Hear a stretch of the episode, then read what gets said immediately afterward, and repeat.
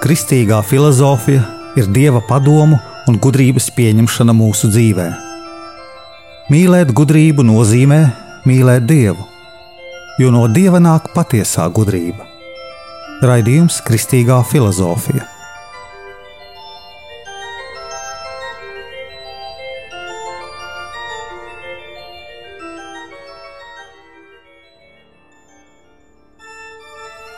Es esmu Jānis Valtra Vitsenheims, un ar jums ir 53. raidījums Kristīgajā filozofijā.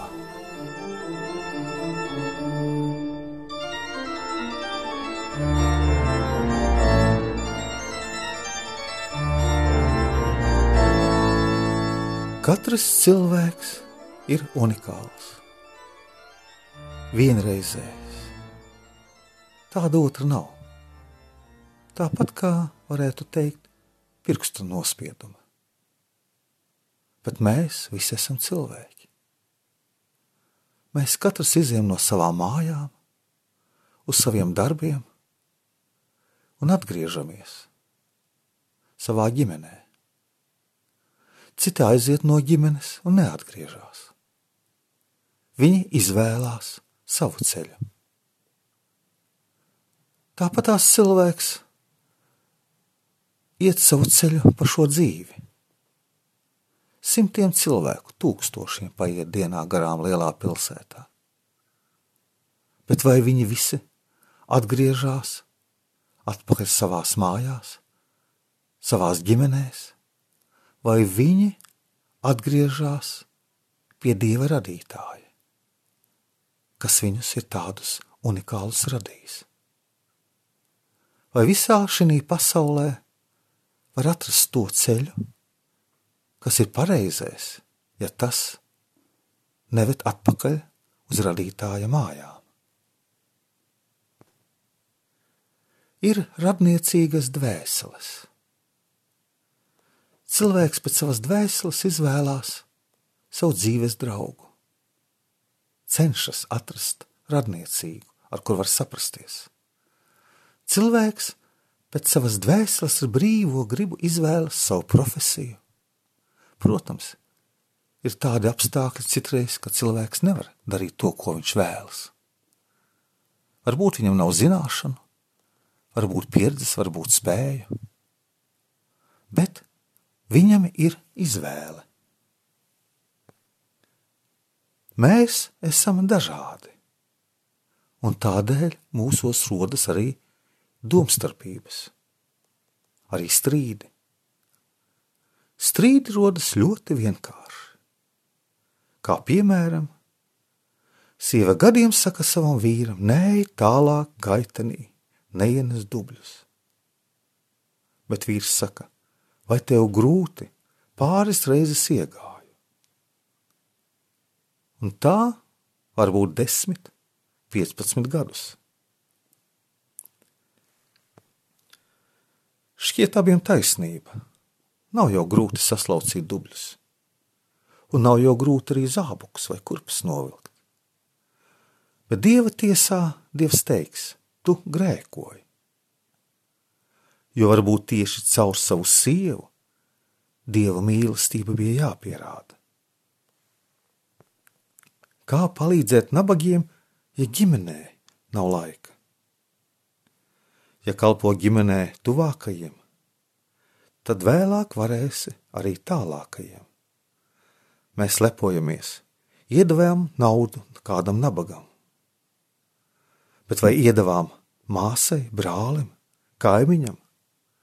vai palīdzējām viņiem, ar kuriem dzīvojam kopā? Kas māk savaldīt savu runu, tie ceļā uz pilnību, kā parna saka, klusēšana zelts. Kas neklausa dievam, tie nav no dieva. Tie tikai tēlo kristiešus. Paklausība ir no vārdiem klausīt un klausīties. Mums vajag klausīties, ko Dievs saka caur svētiem rakstiem, Bībelē. Mums vajag klausīties, ko Dievs saka klusumā, mūsu dvēselē.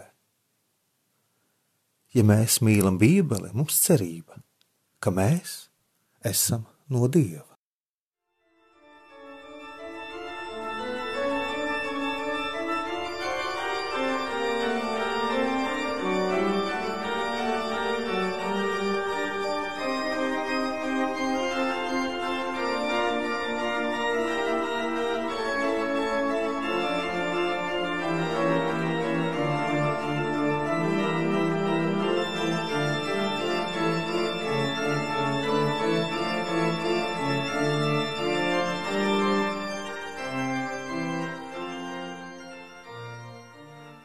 Mēs bieži priecājāmies, ja kāds mūs uzklausa, ja kāds mūsos ieklausās. Mēs atrodam kopēju valodu. Mēs atrodam kaut ko kopīgu, domāšanā vai nu laicīgajā, vai garīgajā pasaulē. Bet kā gan mēs varētu priecāties, ja saprastu, ka Dievs uzklausa mūs, mūs saprot un atrod kopēju valodu ar mums. Saprast Dievu pirmkārt nozīmē ieklausīties Dieva teiktajā. Lai mēs būtu likumīgi, nav pietiekami rīkoties pēc saviem subjektīviem sirdsapziņas pamudinājumiem bet mums ir jāseko dievišķie gribai, kas virzīdama mūs uz labu, dot mums likumus, pēc kādiem jādzīvo un dot arī savas žēlastības, lai mēs šos likumus būtu spējīgi izpildīt. Likumu svētais Akvīnas Toms saprot kā zināmu nosacījumu, un mērauklu saskaņā ar to, kas tiek darīts, vai arī nedarīts, bet mums ir jādara. Pirmais un galvenais likuma mērķis ir vispārējais labums. Latvijā ir populārs teiciens, ja tā varētu teikt. Viens likums, viena taisnība visiem. Katrs cilvēks šo var izprast pēc savas garīgās attīstības līmeņa. Zaglis starp zagļiem šo teikumu var izmantot. Cilvēks, kas sabiedrībā darbojas ar savu līdzīgiem, kristietis, to var izprast kā dieva likumu. Tātad Ja mēs gribam, lai mūsu valsts būtu tāda, mums vajag turēties pie dieva likuma. Viens likums, viena taisnība visiem. Bet visaugstākā taisnība ir patiesība. Kristus saka, es esmu patiesība. Likumus Svētais Akvīnas stūms izdala šādi: mūžīgajos likumos, dabiskajos likumos, cilvēku un dieva likumos. Mūžīgie likumi ir tie, kas pastāv pašā dieva prātā, kā visu lietu, ideju mūžīgajā pazenējā kā radītājā un visas pasaules valdniekā. Šie mūžīgie likumi ir iekļauti pasaules iekārtā, un pateicoties tiem, visām radītām lietām ir savas dabiskās tieksmes uz sev attiecīgiem mērķiem.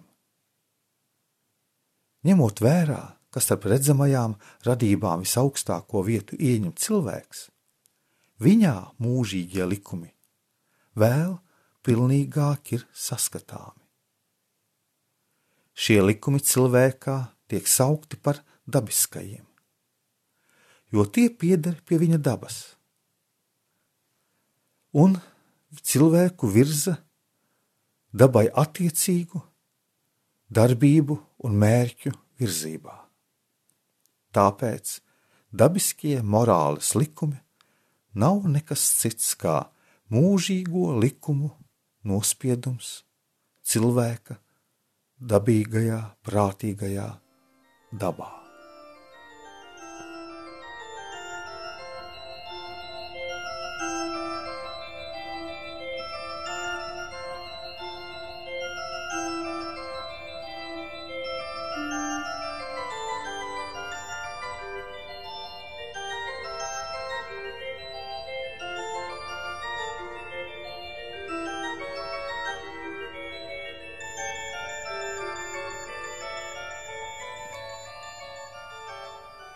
No dabiskajiem likumiem, kas ir vispārēji, cilvēks secina dažādus partikulārus likumus.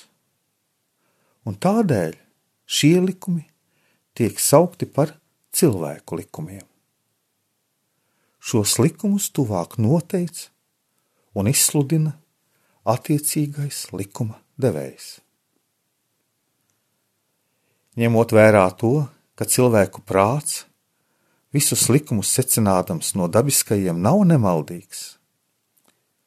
Ir liederīgi, lai Dievs pats pasludinātu cilvēkiem morāles likumus, kas viņus saistītu ne tik vien viņu rīcībā uz ārieni, uz ārpasauli, bet arī pašās noslēptākajās viņu domās. Pašu cilvēku vēlmēs, jūtās, darbos. Tāpēc tos likumus, kādus Dievs pasludinājis gan vecajā, gan jaunajā darbā, mēs saucam par Dieva likumiem. Tie ikvienam cilvēkam dod skaidrību, kas jādara vai ko nedrīkst darīt, lai cilvēks būtu likumīgs mūžīgie, dabiskie un dieva likumi, kas ieslēdz sevī dabiskos, ir visiem un visos laikos obligāti, jo tie ir nemainīgi. Arī cilvēku izdotie likumi, ja tie saskan ar dabiskajiem, ir obligāti un saistoši pašam cilvēkam viņa sirdsapziņā. Par šādu likumu laušanu cilvēks atbildīgs ne tikai vien tā priekšā, kas likumus ir izveidojis, bet arī paša dieva priekšā. Tāpēc baznīcas un valsts likumi ir jāpilda. Bieži vien ar to spekulē un saka, ka kristieši ir paklausīgi valstī. Protams, valsts var izdot arī citreiz negodīgus likumus. Kā no savas pieredzes mēs zinām, kādas valstis bija, kas okupēja Latviju. Valsts izdeva likumus un cilvēkus nogalināja, izsūtīja, lai Latvija būtu pakļauta citai valstī. Lai mēs spētu izpildīt morāles likumus, mums nepieciešama ir Dieva palīdzība, kuru Dievs mums dod. Bet ikvienam likuma pildītājam labprātīgi tas ir dodams. Šiem cilvēkiem Dievs dod arī žēlastību. Šiem, kas grib būt likumīgi. Un tā Dievs ne tik vien pamodina cilvēku uz laba darīšanu, virza uz laba darīšanu, bet arī dod savu palīdzību, lai mēs spētu labo darīt un pārvarēt ļauno, no kura mēs vēlamies atrauties.